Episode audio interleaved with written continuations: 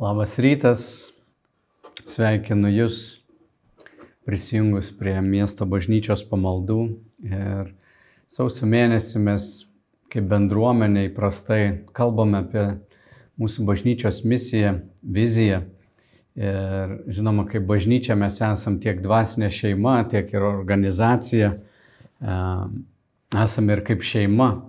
Ir gerai mums visada užduoti tos klausimus, kodėl mes apskritai egzistuojam. Ir praeitą savaitę kalbėjome apie mūsų misiją, kuri skamba taip - palydėti žmogų į artimą draugystę su Jėzumi Kristumi. Ir žinoma, tai yra pastatyta ant didžiojo įsakymo mylėti Dievą visą širdimi, visų protu, visomis savo jėgomis Ir artima draugystė taip ir yra suprantama, kad mes ateinam į tokį santykį, kur Jėzus tampa mums svarbiausias ir mes mokomės iš jo, mes e, siekime tapti tokie, tokiais, kaip jis yra, mokomės mylėti jį, priimti jo meilę. Ir po to, kai kalbam apie mūsų na, bendruomenės ypatumus, kalbame ir apie vertybės. Ir vieną iš jų šiandien noriu aptarti Ir ši vertybė skamba taip, esame svetingi, o paaiškinimas yra toks. Mes mokomės priimti visus taip, kaip Jėzus priėmė mus. Pasikliaudami Dievo veikimu žmoguje, atsisakome dvasinio spaudimo. Na, trumpas paaiškinimas, ką tai reiškia mums. Priimti visus taip, kaip Jėzus priėmė mus, na, yra tikrai nemenka užduotis, nes natūraliai mes visada savo prote skirstysim žmonės į tuos, kurie mums patinka ir tuos, kurie mums nepatinka. Skirstome žmonės į tuos, kurie mums pritarė ir į tuos, kurie mums prieštarauja. Į tuos, kurie eina pakeliui su mumis ir į tuos, kurie galbūt trukdo mums eiti pakeliui su kitais.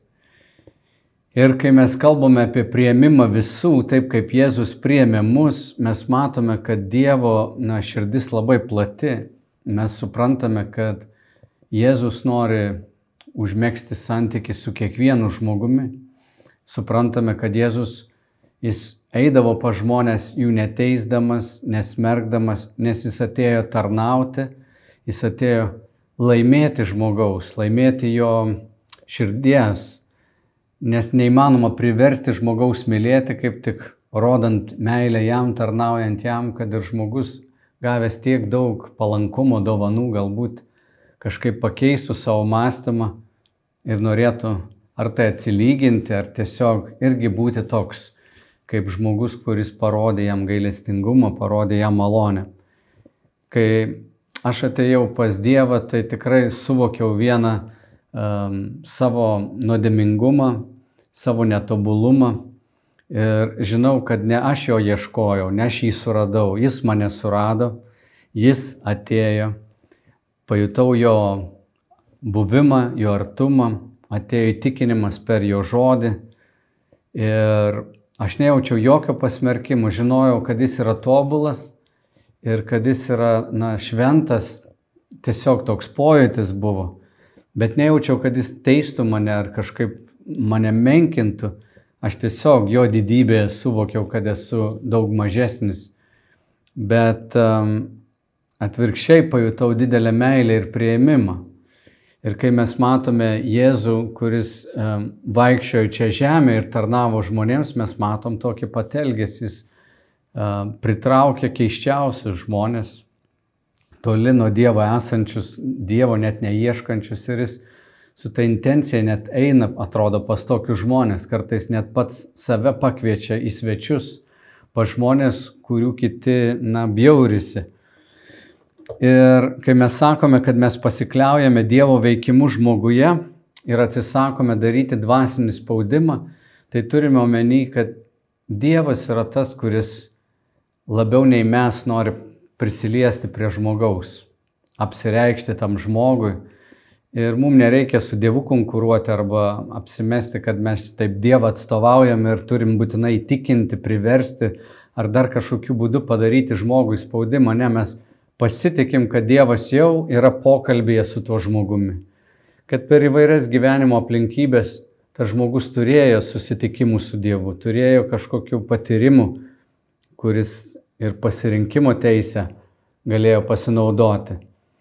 Ir norisi tiesiog atpažinti Dievo veikimą žmoguje ir jį palydėti, kaip ir misijoje mes teigiam, palydėti į artimą draugystę su Jėzumi. Mes negalim nutemti jokio žmogaus, negali jam užlaužti rankų ir kaip policininkas nusikaltelį kokį į, įgrūsti į automobilį ir sakyti, va dabar čia, e, čia yra Dievo namai, ateik į bažnyčią, kažkokiu būdu priversti, taip neišeina. Vienintelis dalykas, kur savo entuzijazmą gali rodyti, tai nuolat melzdamasis už tą žmogų, besirūpindamas juo ir mylėdamas jį. Ir kad mes taip neskirstytume žmonių į tas kategorijas, kartais mums reikalinga, na, tokia mąstymo transformacija, perkeitimas mūsų mąstymo, dar kartais vadinama paradigmos pakeitimu. Um, Aš neseniai prisiminiau ir pamaldose vieną kartą minėjau tokią istoriją, kurią pirmą kartą perskaičiau 95 metais Steveno Kavio knygoje. Ir jis pasakoja apie vieną šeimą. Tėvas su vaikais įlipa į traukinį, metro traukinį New Yorko mieste, atsisėda ir tėvas žiūri tokiu buku žvilgsniu kažkur tiesi, o jo vaikai tiesiog galvomis lipa, šūkauja, riekauja, atiminėja laikraščius iš žmonių. Žmonės piktinas ir visi žvelgia į tėvą, kodėl jis nieko nedaro. Ir tie vaikai siautė ir tas siautėjimas tik gilėja. Galiausiai vienas iš keleivių ne, nebe, nebegali apsikesti, prieina prie tėvo ir sako, ponė, ar jūs neturėtumėt sudrausminti savo vaikų? Ir tėvas tarsi iš sapno pabudęs, jis sako, aš labai atsiprašau, mes važiuojam iš jų mamos laidotuvių ir turbūt ne jie supranta, kaip elgtis ir kas su jais vyksta, nei aš pats, aš labai atsiprašau, ponė. Ir va šitą akimirką to kito keleivio prote, žinoma, įvyksta didžio, didysis perkeitimas, visos situacijos vertinimas, nes jis pamato tuos vaikus kaip, na, skausmo ištiktus, praradimą ką tik išgyvenusius ir, ir kažkokioj kančioje esančius ir turbūt net šoko būsenoje, kur jiems ta tikrovė dar yra mm, sunkiai na, suvokiama, sunkiai taip vertinama ir, ir būdas, kaip visas tas nerimas išeina, yra kažkoks tai lipimas galvomis, ne, nesiskaitimas su kitais, nes sužeistas žmogus net žaidžia kitus žmonės. Ir, ir čia va tas mąstymo pakeitimas, kai tu pamatai žmogų, kuris, na, yra ne tas piktasis, kuris tik blogą daro, bet jis pats taip pat yra ir nukentėjęs ir jam skauda gali nustoti jį teisti. Mano žmona Sana prie kiekvieno savo e, elektroninio laiško turi tokį prierašą. Būk malonus, nes kiekvienas žmogus, kurį sutiksi, kovoja sunkia kova. Ir man tie žodžiai stringa, nes aš pats tokių na, paradigmos pakeitimų, to matymo pakeitimų esu turėjęs kad atrodo pokalbėje kalbi ir tu galbūt esi konflikte su žmogumi ir savo pusę dėstai, tik tais nes tau skauda. Ir po kelių minučių žmogus pradeda savo pusę dėstyti ir tu galvoji, koks aš kvailas, aš apskritai nemačiau, kame tas žmogus yra, kokioj, kokiam skausme jis yra ir kodėl jis taip elgėsi. Mano matymas buvo visiškai kreivas. Ir tai mes vadinam atgailą ne, arba mąstymo pakeitimu. Aš jį vertinau labai negatyviai ir staiga suvokdamas aplinkybės, kame jisai buvo, galbūt nepateisinu jo elgesio, bet galiu jį suprasti, mažų mažiausia galiu jį suprasti ir nebeteisti. Ir tai nereiškia pateisinti, ką žmogus netaip gal padarė, gal per grubius, blogus žodžius pasakė, Pamenat, Jėzus ant kryžiaus kabėdamas, jis sako, tėve, atleisk jam, nes jie nežino, ką daro. Tai reiškia, kad Jėzus supranta žmonių aklumą, žmonių pačių skausmą. Fariziejai tuo metu jautėsi, kad jie Dievui daro didžiausią paslaugą, jie saugo savo religijos tyrumą, šventumą ir kažkokį apsišaukelį prikalė prie kryžiaus. Ta, kuris save vadina Dievu. jų įsitikinimas buvo toks gilus, kad jie absoliučiai yra teisūs, jog jie paėmė ir nukryžiavo patį Kristų. Ir žinoma, Kristaus pavyzdys, kada jisai tarė tuos žodžius ant kryžiaus, atleisk jam tėvę. Ir yra prieimimas, gan radikalus prieimimas. Jis taip su kiekvienu iš mūsų elgesi. Tėvė atleisk jam, nes jie nežino, ką daro. Ir kai mes kalbame apie mūsų bendruomenės vertybę, kad mes esame svetingi, tai tikrai nekalbame apie tai, kad visiems turim arbatos kavos pasiūlyti ar nupirkti sausainių tai yra tik tais galbūt dalis, bet iš esmės mes kalbam apie žmonių neteisimą ir jų prieimimą į savo tarpą, be, be spaudimo, be manipulacijos ir labiausia be teisimo. Štai paštalas Paulius romiečiams, Romos gyventojams, bažnyčiai rašo 15 skyriuje, mes stiprieji Turime pakęsti silpnųjų silpnybės ir ne savo pataikauti. Kiekvienas iš mūsų te būna malonus, artimų jo labui ir pažangai. Nes ir Kristus gyveno ne savo malonumui, bet kaip parašyta, tave keikiančiųjų keiksmai krito ant manęs. O visa, kas anksčiau parašyta, mums pamokyti parašyta, kad ištverme ir raštų paguodą turėtume vilti ištvermės. Ir paguodos Dievas te duoda jums tarpusavyje būti vienos minties Kristaus Jėzaus pavyzdžių, kad sutartinai vienu balsu šlovintumėte Dievą mūsų viešpaties Jėzaus Kristaus tėvą. Todėl priimkite vienas kitą, kaip ir Kristus jūs priėmė į Dievo šlovę. Etalonas mums yra Jėzus Kristus, jo gyvenimas, jo pavyzdys, ir Jėzus buvo svetingas. Svetingas ne tik kaip vidurio rytuose priimta atiduoti savo geriausią atėjusiam net nepažįstamam. Svetingumas, ta žodis graikų kalboje filoksenija. Filos reiškia kaip meilė, oksenija reiškia nepažįstamas arba svetimas.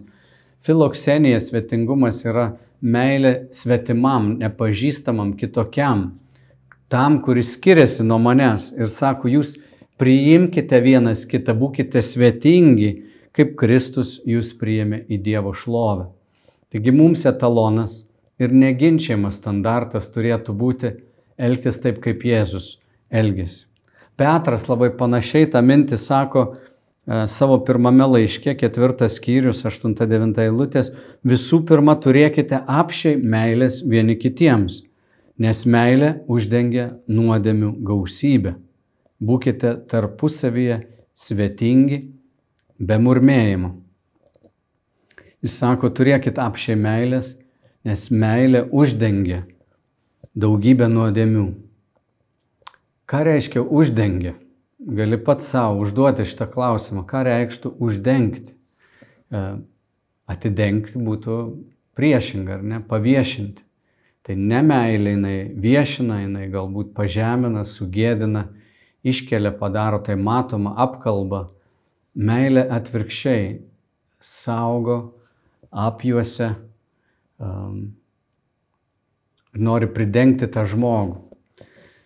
Ir kai kuriems sunku tai priimti, nes žmonės linkia mąstyti, kad jeigu aš kažkieno nusikaltimų neviešinu, vadinasi, aš jiems pritariu. Ir aš esu tiek daug turėjęs pokalbių, kai kurie net ginčiais pavirsdavo tokiu pasakymu, kad, na, jeigu tu kažką pridengi, ne, nepasakai tiesiai, tai tu esi minkštas kažkoks, uh, išsižadėjęs tikrųjų vertybių, tu pataikūnas, nori žmogui tiesiog pasirodyti, esi labai toks tolerantiškas, priimi viską. Na ir tolerancija kalbama kaip šio laikinė samprata, nes senoji samprata buvo, kad aš e, galiu nenuteisti tavęs, bet leisti tau pasisakyti, tu, kuo tu tiki ir leisti tau tikėti, e, nekeršiant, nežeminant tavęs. Šiandien atrodo, su entuzijazmu turėtumėm priimti kito žmogaus nuomonę ir jokių būdų nekalbėti apie tai, kad jis klysta. Tai meilė, kuri pridengia gausybę nuodėmių, jinai nesako, kad nuodėmių nebėra arba kad nusikaltimas nepadarytas. Bet suteikia erdvę tam žmogui pačiam eiti į atgailą, tiesiog parodyti gailestingumą. Nes šventame rašte yra pasakyta, kad um, gailestingumas didžiuojasi prieš teismą. Tas, kuris nebuvo gailestingas, nesulauks gailestingumo. Jėzus mato Evangeliją užrašytą, Jėzus sakė, neteiskite, kad ir patys nebūtumėte teisiami, nes kokiu teismu teisėte, tokiu ir jūs būsit teisiami. Taigi, tikroji meilė ir tikras svetingumas yra visų pirma atsisakyti teisimu. Atsisakyti kalbėti apie žmogų blogai, jam nesant šalia, atsisakyti žeminimo, viešinimo, atvirkščiai parodyti gailestingumą kaip Jėzus. Jau keletą metų aš esu kalbėjęs, pamokslavęs mūsų bažnyčioje apie persiko ir, ir kokoso metaforą, kurios iliustruoja skirtingas bendruomenės.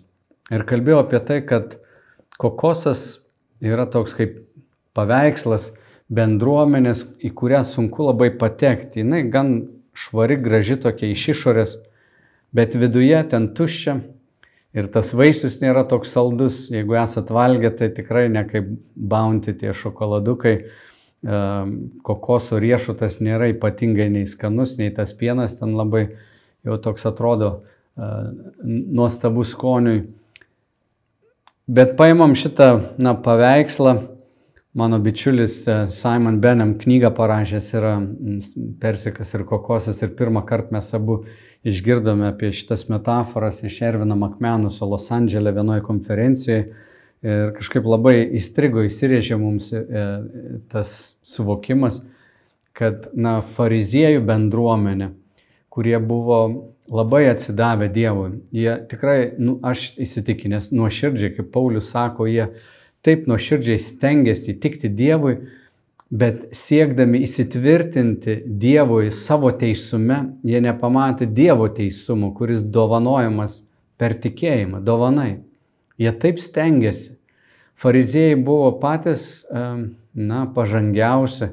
Aš manau, kad patys geriausi, gal net na, visuomenės nariai, žmonės, kurie na, neliks tau skoloj, kurie labai moralūs, niekada nieko iš tavęs nepavoks, labai patikimi kaimynai.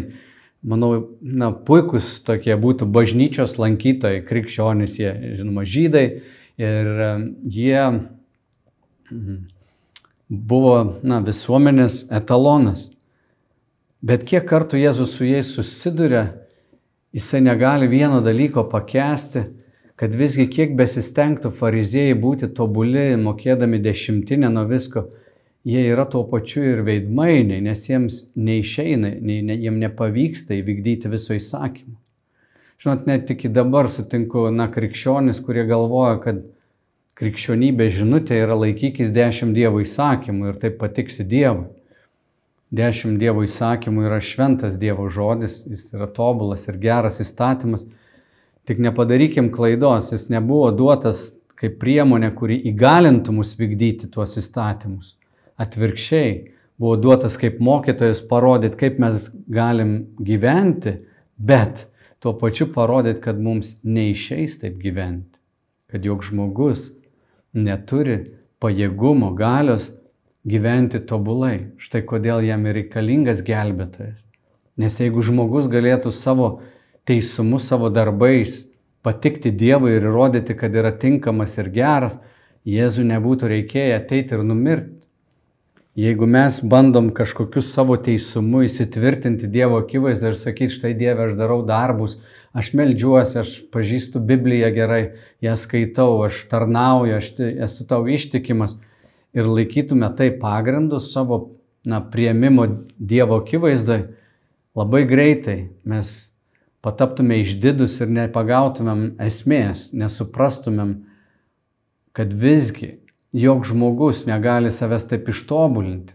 Net jeigu dešimt įstatymų laikysis, bet vienuoliktam suklysi, tu būsi nusižengęs prieš visą įstatymą. Ir įstatymas turėtų tiesiog parodyti mums, kad mes esame labai silpni, kad mums reikalinga šventoji dvasia, kad galėtume gyventi su atnaujinta širdimi. Tik Dievo dvasia galim išmokyti mus mylėti.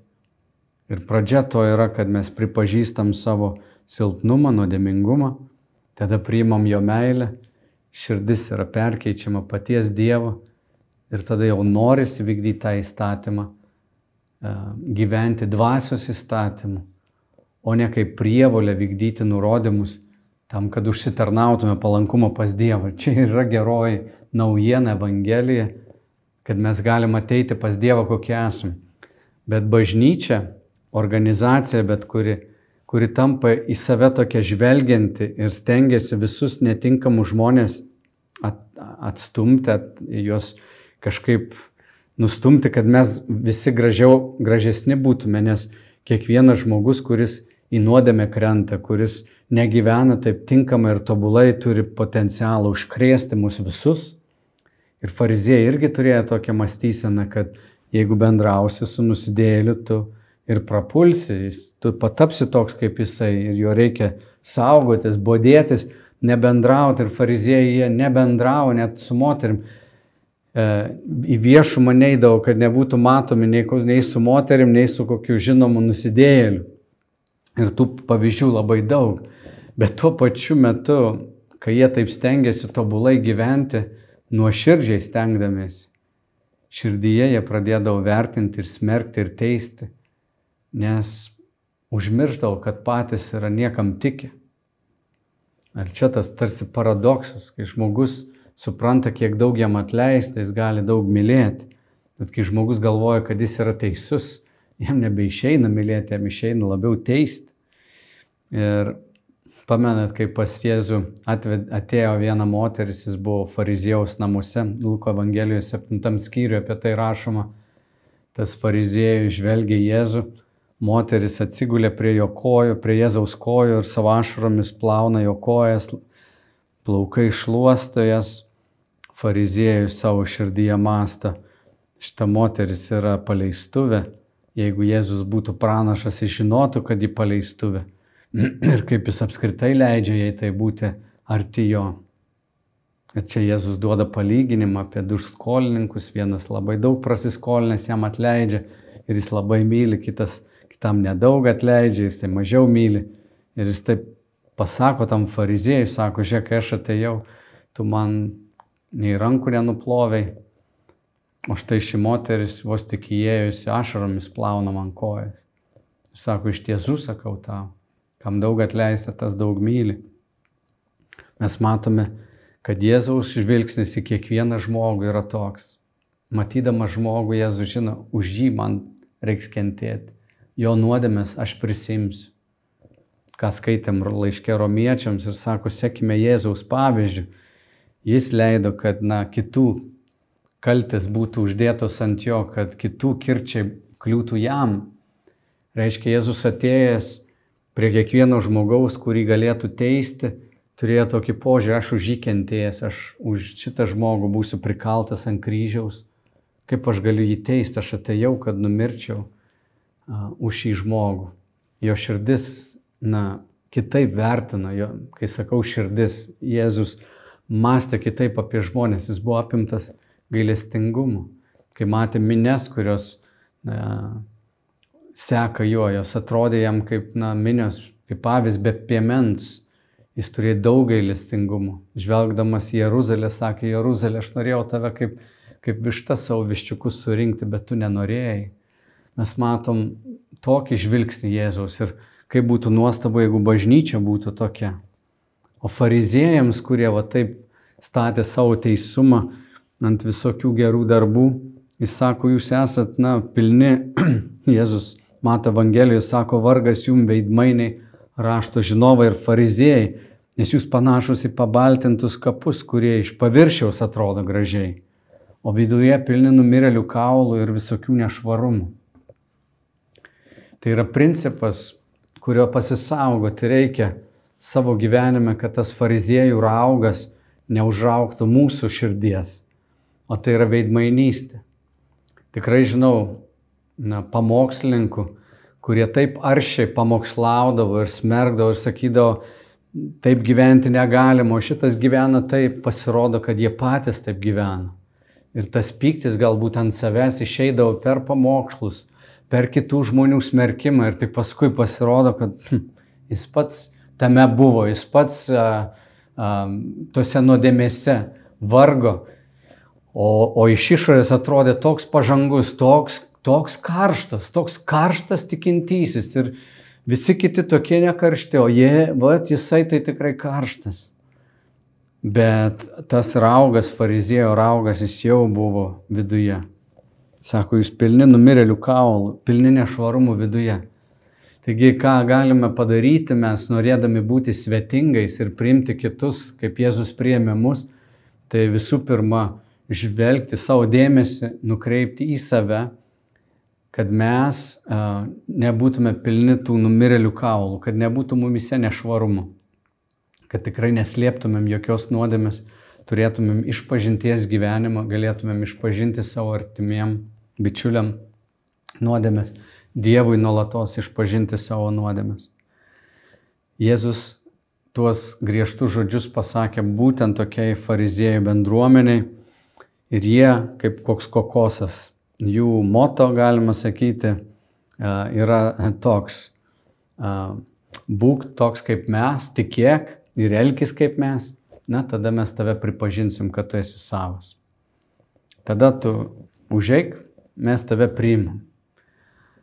Jėzaus bendruomenė, su kuria jisai tarnavo, mokiniai, kuriuos jis mokė, turėjo priešingą filosofiją. Tai buvo ateik, draugaukim, susidraugaukim, bendraukim, ateik, būk savas. Ir po to turbūt tas žmogus pradės tikėti taip, kaip mes tikim, pradės elgtis taip, kaip mes tikim ir kaip mes elgiamės. Bet pradžioj jis kvietė visus ateiti. Ir tai įvardėm kaip, na, kokos, e, kaip, e, atsiprašau, persikišką bendruomenę. Jeigu jūs esat valgę persiką, tai aš paskutiniu metu čia pamenu valgiau persikus, tai juos valgydavau šitai, pasiemu persiką, atsistoju virš um, kreuklės um, ir valgo ir, ir viskas bėga į kreuklę, sultis per rankas, paskui gali nusiplauti ir nait bet tai nėra gražus valgymas. Jeigu tas persikas yra prinokęs, saldus, geras, tai tikrai sultis bėga. Kai tik atsikandi, per, per skruostus tau bėga. Ir kai sakom apie va, tokią bendruomenę, tai jinai nėra labai tvarkinga. Tu negali sudėlioti taisyklių, kaip ateiti pas mus ir tapti savu. Turkščiai žmonės ateina labai įvairūs ir su savo visais skauduliais, su savo ypatumais priimti juos, leisti jiems būti, kol Dievas juos atnaujins, savo meilę laimės juos. Ir jie patys nuspręs nebegyventi nuodėmiai, keisti savo elgesį, kartais tai užtrunka ilgą laiką. Ir čia mums kantrybės atrodo pritrunka. Bet Jėzus yra labai kantrus. Todėl Paulius sako, jūs būkite kantrus su visai ištverme, pakeskite vienas kitą. Čia norėčiau jums pacituoti ir Timo Kellerio ištrauką iš Dievas palaidūnas knygos. Jis sako, Jėzaus mokymas visada traukdavo nereligingus žmonės, bet piktindavo Bibliją tikinčius religingus tų dienų žmonės. Gaila, bet dauguma bažnyčių nedaro tokio poveikio visuomeniai. Šio laikinė bažnyčia netgi labiausiai avangardiška nepritraukia tokių visuomenė atgrasių žmonių, Mes linkę pritraukti konservatyvės pažiūras turinčius, tvarkingus ir moralius žmonės. Pasileidę, liberalių pažiūrų, sugriuvusiais gyvenimais ir visuomenės paraštėse esantis vengia bažnyčios. Tai gali reikšti tik vieną dalyką. Jeigu mūsų dvasininkų pamokslavimas ir bažnyčios narių elgesys nedaro tokios įtakos, kaip Jėzus darė, vadinasi, mes nepamokslaujame tokios žinios, kurią Jėzus pamokslavo. Jeigu mūsų bažnyčios nėra patrauklios jaunėliams broliams, tai tikriausiai jos pilnas vyresni, vyresniųjų brolių daugiau nei mes norėtume pripažinti. Ir čia Timas Kelleris cituoja Jėzaus palyginimą apie sūnų palaidūną, kuris jaunėlis brolis, kuris nus, nusižengė tėvui, paniekino jį, o vyresnėlis visada stengiasi būti labai teisus, ištikimas savo tėvui bet savo širdį buvo labai teisintis. Tai mes esame svetingi, reiškia mokomės priimti visus taip, kaip Jėzus priėmė. Reiškia, mums reikia skelbti žinę, kurią Jėzus skelbė. Būk savas, perimk mūsų tikėjimą ir elgesį, bet pirmiausia, tapk savas. Ir būti tokiu persiku nereiškia būti pomidoru. Jėzus niekada nedarė kompromisų, jis niekada nepasakė, žinai, šitą nuodėmę nieko tokio, aš pridengsiu ją savo meilę. Tai yra šio laikinė na, tolerancija, kuri jau nebeskirsto, kas gerai, kas blogai, kiekvienas žmogus gali nuspręsti, atrodo, kas jam tinkama, o kas netinkama. Tai būdami ištikimi Jėzui mes negalime taip elgtis. Mes turime pripažinti, kad yra dalykai, kurie Dievui patinka ir yra dalykai, kurie, kurių Dievas nekenčia. Ir pridengti to, ko Dievas nekenčia, tikrai nereiškia kažkokiu būdu pateisinti tai ir sakyti nieko tokio. Jeigu matysi kokį smurtą, vyras muša savo žmoną ir tai nieko tokio, pridengim. Žinoma, ne apie tai kalba eina, ne apie tai. Meilė jinai visada stengsis išlaikyti privatumą, bet į tokį reikalą jau turėtum įsikišti. Niekada negalėtum teisinti. Arba žmogus įkritęs į kokią pornografiją ir nu, nieko tokio, nu ką padarysi. Bet kaip sukurti aplinką, kur Dievo meilė pasiektų žmogaus širdį, kad jo noras to intimumo, to tikro artumo būtų perkeistas ne, ne per netikrus santykius, žiūrint pornografiją, bet per tikrą meilės ryšį su, su konkrečiu asmeniu. Meilė, jinai pridengia, bet nepateisina to, kas yra niekinga, kas yra nusikaltimas, kas yra nuodėmė. Tai būti persikiška bendruomenė mums tikrai nereiškia, kad mes turime būti kaip pomidorai, tokie minkšti e, keurai. Yra įsitikinimai, aš turiu labai konservatyves pažiūras, bet ne visada yra išmintis e, jas išrėžti pirmam susitikime. E, išmintis jinai yra pilna meilės. Meilė ir išmintis eina iš vien. Ir išmintis gali būti tiesiog patilėti. Kai pas Jėzų atvedė moterį, pagautą paleistuvaujant, žinoma, fariziejai norėjo Jėzų tik pagauti, jiems vienodai buvo ir įstatymas. Jie ne vienas ir neįvykdė to įstatymo, bet atvedė ir sako, tokia įstatymas liepia užmušti akmenimis, ką tu pasakysi. Ir Jėzus čia į pačią širdį išmintimi pataikė. Sako, kas be nuodėmėste pirmas metai į akmenį. Moterie, kur tavo kaltintojai, jie apsidairė, nei vienas nepaleido į akmens, visi išsiskirsti, pradedant nuo vyresniųjų. Jėzus sako, ir aš tavęs nesmerkiu, bet eik ir daugiau nenusidėk.